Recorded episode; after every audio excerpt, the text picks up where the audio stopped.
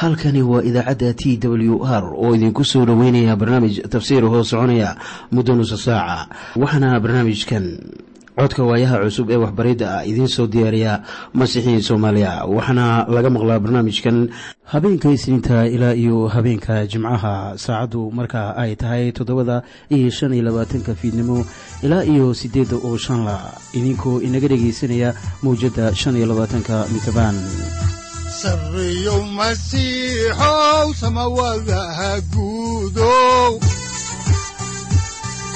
siraadkii adduunkow subanaha eebow sareyow masiixow samawadaha guudow siraadkii adduunkow subanaha adigoo samaada jiro ifkaan soo saldhiganba adigoo samaada jiro ifkaan soo saldhiganba kutubtiisanaaye wuxunogu saaciiday sharxin sifahaaga waxaannu caawa idiin sii wadi doonnaa daraasaad aynu ku eegayno injiilka sida matayas uu u qoray. Waxaana daraasaadkaas loogu magacdaray baibalka dhammaantii waxaannu macluumaad idinka siinaynaa ahmiyadda injiilka sida matayas uu u qoray uu leeyahay. Waxaanan idiin sii wadi doonnaa cutubka shanaad ee injiilka sida matayas uu u qoray waxayna mawduucyadiisu ka kooban yihiin kow bilowga khudbadii buurta. Labo wax ku saabsan xidhiirka dadka boqortooyada hoos yimaada ka dhexeeya iyo sharciga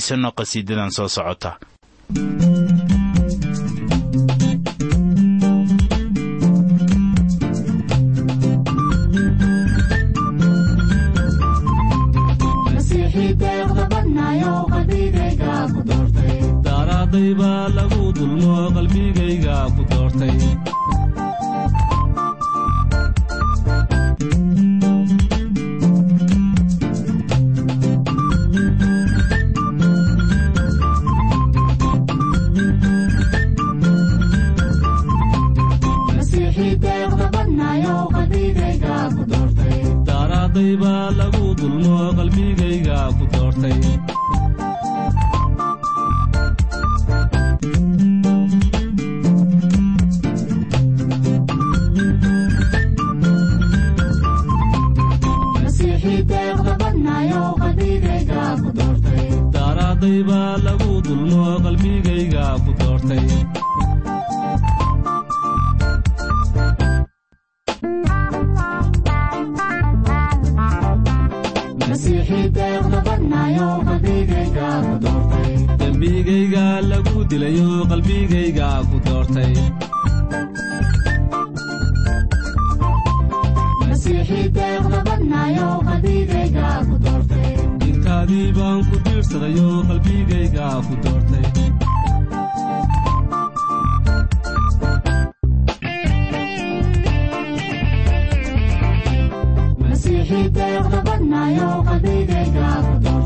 dembiga weyga daahirso qalbigayga ku doortay.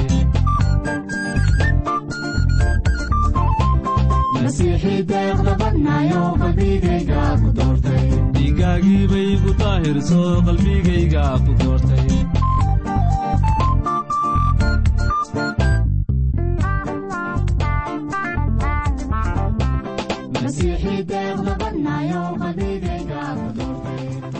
markii ugu dambaysay waxaynu ka falanqoonaynay wax ku saabsan khudbadii buurta iyo sida loogu kala qaybsan yahay khudbadaas.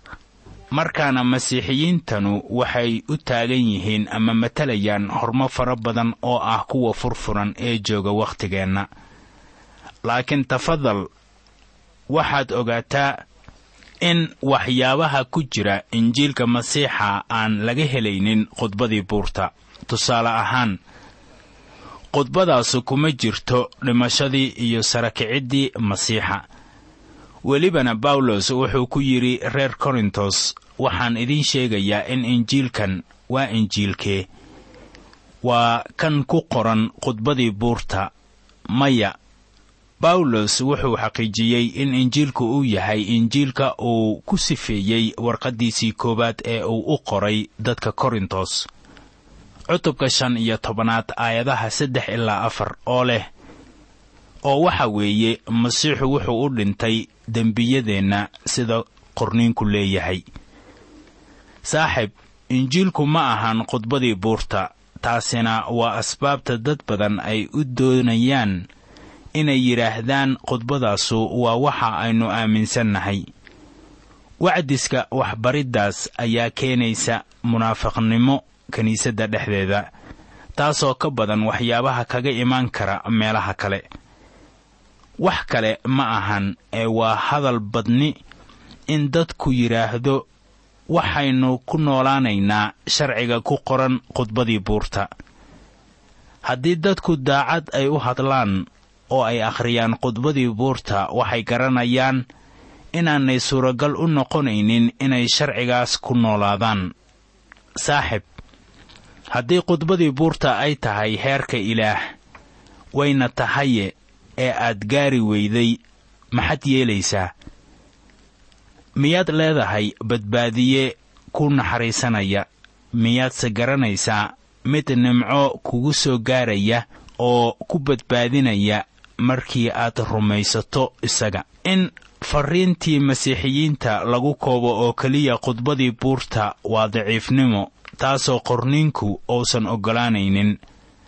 Xaalad waliboo timaada waxay taasu ku imaan kartaa oo keliya aragtida ay qabaan nimanka xag jira. Ku noolaanshaha awoodda gudaha ah ee ruuxa quduuska ah ayaa ka mid ahayn xaqaa'iqa laynagu barayo khudbadii buurta. Bawlos wuxuu leeyahay markaan eegno sida ku qoran warqaddii rooma cutubka siddeedaad aayadaha saddex ilaa afar waayo waa wax aan sharcigu samayn karayn. Maxaa yeelay uu itaal darnaa jidhka aawadiis. Ayaa ilaah sameeyey isagoo wiilkiisa ku soo diraya u ekaantii jidhka dembiga leh oo u soo diraya dembiga aawadiis. Wuxuuna xukumay dembigii jidhka ku jiray. In qaynuunka sharcigu uu inaga buuxsamo kuweenna aan sida jidhka u socon laakiinse u socda sida ruuxa waxbariddan ku arki maysid khudbadii buurta. Khudbadani kuma jiraan wax ku saabsan howsha ruuxa quduuska ah. Haddaba waxaa ku jira damiir heerkiisu uu sarreeyo iyo ficillo aan ka hor jeedin nolosha masiixiyiinta.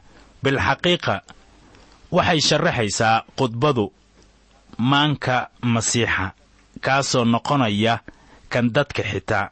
Mabda'an weyn ee halkan yaalla wuxuu faa'iido u yahay masiixiyiinta si ay u bartaan oo ay u darsaan.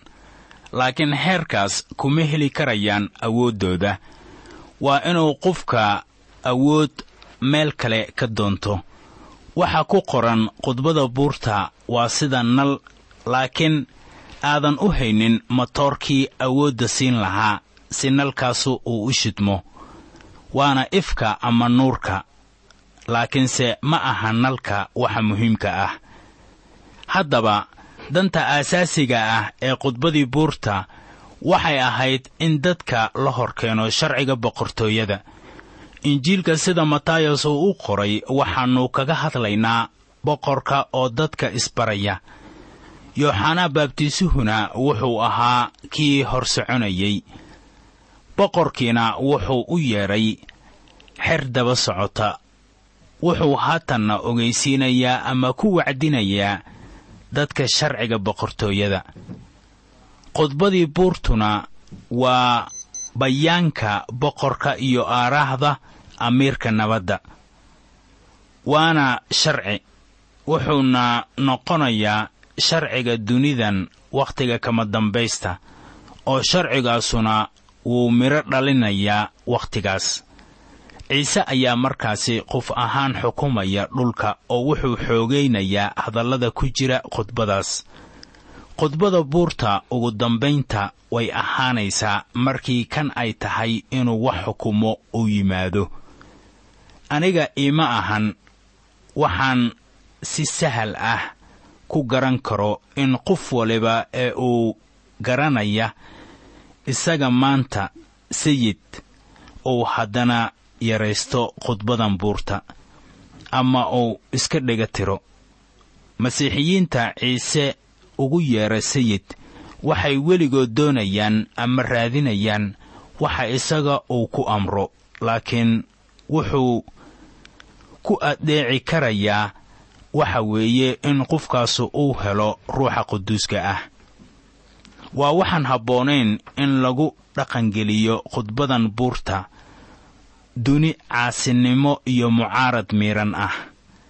Injiilka nimcada ilaah ayaa dadka ka dhigi kara inay masiixa addeecaan. Waxaa kaloo dadka loo keenay sharcigan inuu dadka u keeno inay ilaah addeecaan. Khudbada buurta waxay taabanaysaa in la wacdiyo dadka. Si markaa khudbadaasu ay qalbiyada dadka u geliso go'aamo markaana khudbadu waxay dadka gaarsiinaysaa inay dembaabeen waxayna muujinaysaa inaannu jirin mid xaq ah oo dadkoo dhammiba ay gaari waayeen ammaanta ilaah. Masiixiyiinta waxay qaadan karaan mabda'a ku qoran khudbada buurta waxaanay la barbardhigi karaan qorninka kale waxayna tanu keenaysaa aragti ballaaran iyo garasho wanaagsan maanka masiixiga. Tusaale ahaan halkan oo keliya ayaad ka helaysaa fasirka dilka iyo macaasida.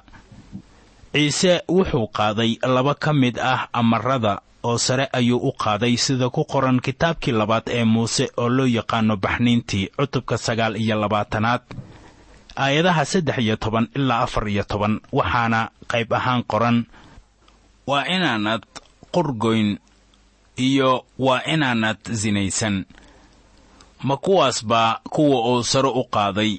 Jawaabtu waxay u muuqataa inay caddahay. Waa labadaas amar kuwa keliya ee lagu qoray injiilka sida matayos uu u qoray. Sida abbaarta ah amar waliba sare ayuu u qaadi karay uu gaarsiin karay heer aad u sarreeya. Haddaba haddii aad sharciga muuse laga yidhi sida ku qoran warqaddii galaatiya cutubka labaad aayadda lix iyo tobanaad sida tan oo ah inaan nin xaq ku noqon shuqullada sharciga. Dabeeto toban goor bay ka dhib badan tahay in nin xaq uu ku noqdo khudbadii buurta. Waxaad isku daydaa inaad noloshaada saarto labada amar ee leh waa inaadan qurgoyn iyo waa inaadan sinaysan saaxib haddii khudbadii buurtu ay tahay diintaada waa inaad hubiso inaad dhowrto waxaa lagu laray sharci laakiin haddii aad si daacadnimo ah u eegto khudbadii buurta waxay ku keenaysaa badbaadiyaha kugu dhintay iskutallaabta khudbadii buurta waxay ina hor keenaysaa ama ay ina hor dhigaysaa mabaadii iyo yoolal badan oo ay tahay inaan gaarno. Waxaan markaasi u baahannahay inaan baranno laakiin mar waliba waxay sharciyadaasu inoo muujinayaan inaynu u gaabinno amaba aan u gaabinayno.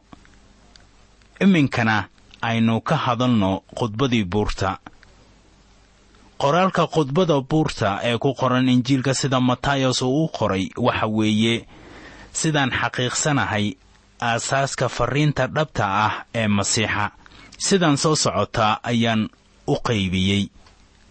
Waa kow xidhiirka dadka boqortooyada ka dhexeeya midkood kasta. Waxay ku qoran tahay injiilka sida matayos uu u qoray cutubka shanaad aayadaha kow ilaa lix iyo toban. Labo xidhiirka u dhexeeya dadka boqortooyada iyo sharciga. Injiilka sida matayos uu u qoray ayay ku qoran tahay cutubka shanaad aayadaha toddoba iyo toban ilaa afartan iyo siddeed. Saddex xidhiirka u dhexeeya dadka boqortooyada iyo ilaah. Waxay ku qoran tahay injiilka sida matayos uu u qoray cutubka lixaad. Afar xidhiirka u dhexeeya dadka boqortooyada iyo dadka kale khudbada buurta waxay ku bilaabanaysaa barako. Way hagaagsan tahay in loo garto hadallo baraka leh inay yihiin. Waxay inoo sheegayaan waxa dadka boqortooyadu ay yihiin. Dadkaas waxa weeye sifaha shakhsi ahaaneed ee lagu sharaxay hadalladan barakada iyo ducadaba ah. Aayadda koowaad ayaa caddaynaysa waxa khudbadan loogu yeedho khudbadii buurta marka ugu horraysa waa in la ogaado in sayidkeennu uusan dabcan khudbadan u jeedinin dadkii badnaa wuxuuse u jeediyey xertiisa. Kuwaasoo markaasi ahaa kuwiisii. Iminkana aynu ka hadalno maaddada ah xidhiirka dadka boqortooyada ka dhexeeya midkood kasta.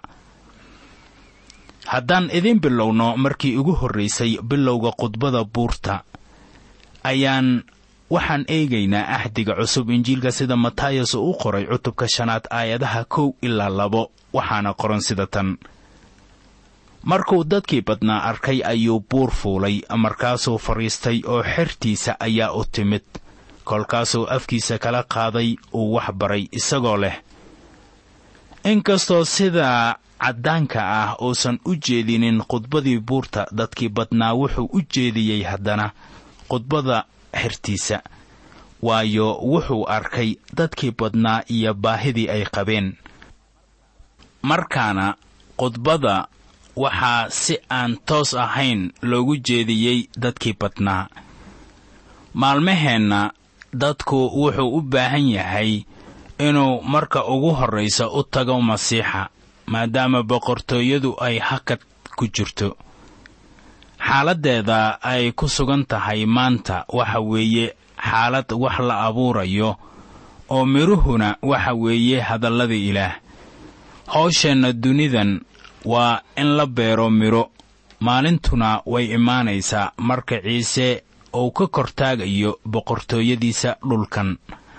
Haddaan halkii ka sii wadno axdiga cusub ayaa injiilka sida matayas uu u qoray cutubka shanaad aayadda saddexaad ay leedahay waxaa barakadaysan kuwa xagga ruuxa ka miskiinka ah waayo boqortooyada jannada iyagaa leh. Waxa aayaddanu ay leedahay waxaa barakadaysan kuwa xagga ruuxa ka miskiinka ah. Laakiin aayaddu ku sheegi mayso sida aad xagga ruuxa miskiin uga noqonayso. Waxaase ay leedahay waxaa barakadaysan kuwa xagga ruuxa ka miskiinka ah laba iyo tobankan aayadood sayidkeennu wuxuu isticmaalay erayga ah barakadaysan sagaal jeer. Haddaba zabuurka ayaa waxa uu ku bilaabayaa isla eraygan ah waxaa barakadaysan ninkii. Tanina waxay ka hor imaanaysaa habaarkii ku qornaa sharciyadii muuse. Waxaad xusuusataan waa kuwiinna kitaabka akhriye ah in yeshuuca loo sheegay markii reer banu israa'iil ay ka gudbayeen webiga jordan inay ahayd inay istaagaan buur gerisiim si dadka loo barakadeeyo. Dabeeto habaarka waxaa laga jeediyey buur ceebaal taasuna waxay dhaafsiisnayd ama ka badnayd ducadii laga jeediyey buur gerisiim waayo masiixa keliya ayaa barakadaas keeni kara. Maalmaheenna dembiilaha la badbaadiyey oo keliya ayaa garan kara miskiinnimadiisa xagga ruuxa. Waxaa barakadaysan kuwa xagga ruuxa ka miskiinka ah. Khudbada buurta intii ay dadka qaar ka dhigi lahayd inay xagga ruuxa miskiin ka noqdaan ayay faanayaan waxaa jira dad badan oo ay la tahay in khudbadii buurtu ay tahay diintooda ha yeeshee dadkaasu way isqiyaamaynayaan. Sayid ciise masiix xertiisa uguma uusan sheegaynin khudbadii buurta sidii ay ku noqon lahaayeen dadka boqortooyada jannada. Horay bay u ahaayeen waddaniyiinta boqortooyada jannada innaga masiixiyiinta ah maanta aad baynu miskiin uga nahay xagga ruuxa oo xagga ruuxa waxaynu nahay kuwa aan waxba haysan. Laakiin waxaan leennahay shay aynu bixinayno kuwaasoo ka qiimi badan dahab iyo luul.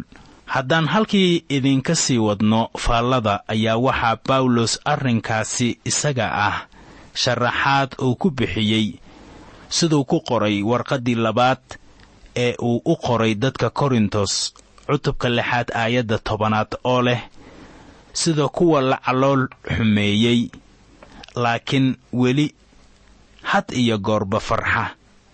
Sida miskiin laakiin dad badan hodonsiiya sida kuwa aan waxba haysanin laakiin wax walba leh. Marka bawlos uu leeyahay sida kuwa miskiin ah laakiin dad badan hodonsiiya ayaa waxaa loola jeedaa hodontinimada xagga ruuxa oo ay leeyihiin kuwa masiixa raacsan. Barakada labaad ayaa leh sida ku qoran axdiga cusub. Injiilka sida matayas uu u qoray cutubka shanaad aayadda afaraad. Waxaana qoran waxaa barakadaysan kuwa baroorta. Waayo waa la qalbi qaboojin doonaa waa wax xiise leh in la ogaado in isla qodobkan ku qoran ducadan ama barakadan laga helayo meel kale oo ka mid ah qorniinka. Kuwa ruuxa ka miskiinka ah wuxuu ku qoran yahay kitaabka sefanyah cutubka saddexaad aayadda laba iyo tobanaad. Kitaabka miikaahna waxaa ku qoran tusmada ah kuwa barooranaya oo la qalbi qaboojinayo. Waxaad taas ka eegtaa miikaah cutubka toddobaad. Haddaan halkii ka sii wadno xigashada ayaa waxaa ku qoran injiilka sida matayas uu u qoray cutubka shanaad aayadda shanaad sida tan. Waxaa barakadaysan kuwa camal qabow waayo dhulkay dhaxli doonaan. Waxaannu ka helaynaa tan zabuurka soddon iyo toddobaad. Waa cutubka eh aayadda kow iyo tobanaad. Kuwa camalka qabow dhaxli maayaan dhulka maalmahan aynu noolnahay. Waxaanse hubaa intaad taas garanaysaan. Markaana sida abbaarta ah khudbadii buurta saamayn weyn ba yeelanaysaa maanta. Haddaba markii masiixu wax xukumayo ayaa kuwa camalka qabow waxay dhexli doonaan dhulka. Bawlos ayaa wuxuu rumaystayaashii reer korintos weydiiyey su'aal sida ku qoran warqaddii koowaad ee rasuul bawlos uu u qoray dadka korintos cutubka lixaad aayadda labaad oo leh mise weydnaan garanaynin in quduusiintu ay dunidu xukumi doonaan? Oo haddaad dunidu xukuntaan ma waxaad tihiin kuwa aan istaahilin inay waxyaalaha yar yar xukumaan? Hadalladan barakada wata ee khudbadii buurta waxay u taagan yihiin yool ay tahay in carruurta ilaah ay ka dhex helaan noloshooda laakiin ma ahan wax shakhsigaas keliya uu samayn karo. Waxaa haddaba loo baahan yahay camalqaboobi oo camalqaboobida waxa weeye midhaha ruuxa quduuska ah. Waxaana aayadda lixaad ee injiilka sida matayas uu u qoray laynoogu sheegay sida tan leh. Waxaa barakadaysan kuwa xaqnimada u gaajaysan oo u harraadsan waayo way dherki doonaan waa sidee qofka caadiga ah miyaa qofkaasu uu u gaajaysan yahay ama u harraadsan yahay xaqnimo? Kuwii anigu aan arkay xaqnimo uma ayan gaajaysnayn. Bawlos ayaa leh sida ku qoran warqaddii koowaad ee korintos cutubka labaad aayadda afar iyo tobanaad sida tan. Ninka nafta raaca ma aqbalo waxyaalaha ruuxa ilaah waayo nacasnimo bay u yihiin mana garan karo. Maxaa yeelay ruuxa ayaa lagu imtixaamaa. Qofka caadiga ah wuxuu ka hor imaadsan yahay ninka ruuxa kaasoo garanaya in masiixu uu yahay xaqnimadiisa. Waayo waxaa la yidhi sida ku qoran warqaddii rasuul bawlos uu u qoray korintoska koowaad cutubka koowaad aayadda soddonaad sida tan xaggiisa waxaad ku jirtaan ciise masiix kan inoo noqday xikmadda xagga ilaah iyo xaqnimada iyo quduusnaanta iyo madax furashada. Haddaan halkii ka sii wadno ayaa waxaa ku qoran injiilka sida matayas uu u qoray cutubka shanaad aayadda toddobaad sida tan. Waxaa barakadaysan kuwa naxariista leh waayo waa loo naxariisan doonaa aayaddan si weyn baa loo fahmi waayey maalmaheenna waayo waxay ka dhigaysaa ama loo qaatay naxariista aan helayno inay ku xidhan tahay marka hore inaan innagu naxariis leennahay. Tanu ma ahan wax ku xidhan naxariista aynu helayno. Waxaa ku qoran warqaddii rasuul bawlos uu u qoray tiitos cutubka saddexaad aayadda shanaad waxa weeye sida tan inaguma uu badbaadin shuqullada xaqnimada oo aynu samaynay laakiinse naxariistiisa aawadeed wuxuu inagu badbaadiyey nadiifinta dhalashadii labaad iyo cusboonaysiinta ruuxa quduuska ah. Waa inaan naxariis yeelanno waayo innaguba naxariis baan helnay. Aynu eegno sida ku qoran warqaddii koowaad ee rasuul bawlos cutubka labaad aayadaha sagaal iyo toban oo leh. Laakiinse idinku waxaad tihiin jinsi la doortay iyo wadaaddada boqorka iyo quruun quduus ah iyo dad ilaah iska leeyahay. Inaad ogaysiisaan wanaagga kan gudcurka idinka yeedhay oo idinku yeedhay xagga nuurkiisa yaabka leh. Idinku waagii hore dad ma aydin ahayn laakiinse haatan waxaad tihiin dadka ilaah idinku markii hore naxariis ma aydin helin laakiinse haatan naxariis baad hesheen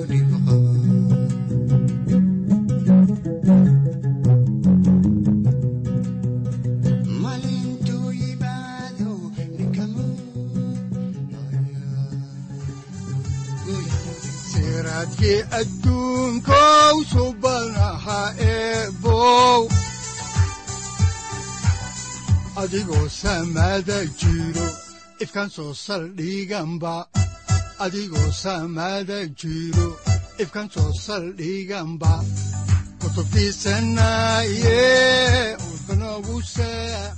halkani waa t w r idaacadda t w r oo idinku leh ilaa ha idin barakeeyo oo ha idinku anfaco wixii aad caawi ka maqasheen barnaamijka.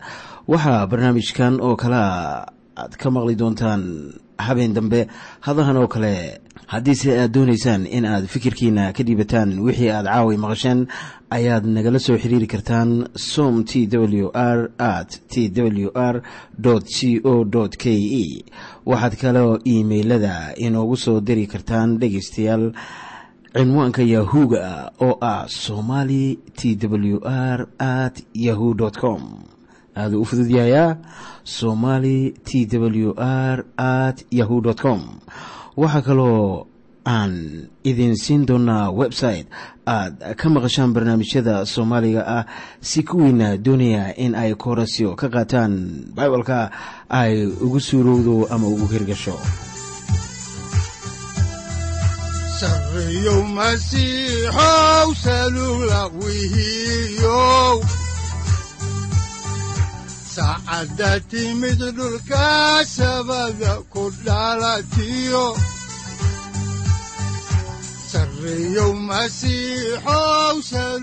halkani waa t w r oo idiin rajaynaya habeen baraare iyo barwaaqaba leh inta aynu ka gaari doono wakhti aynu ku kulanno barnaamij la mida kan caawayay aad maqasheen waxa aan idinku leeyahay nabadda ciise masiix ha idinku badato xagga jidhka iyo ruuxaba aamiin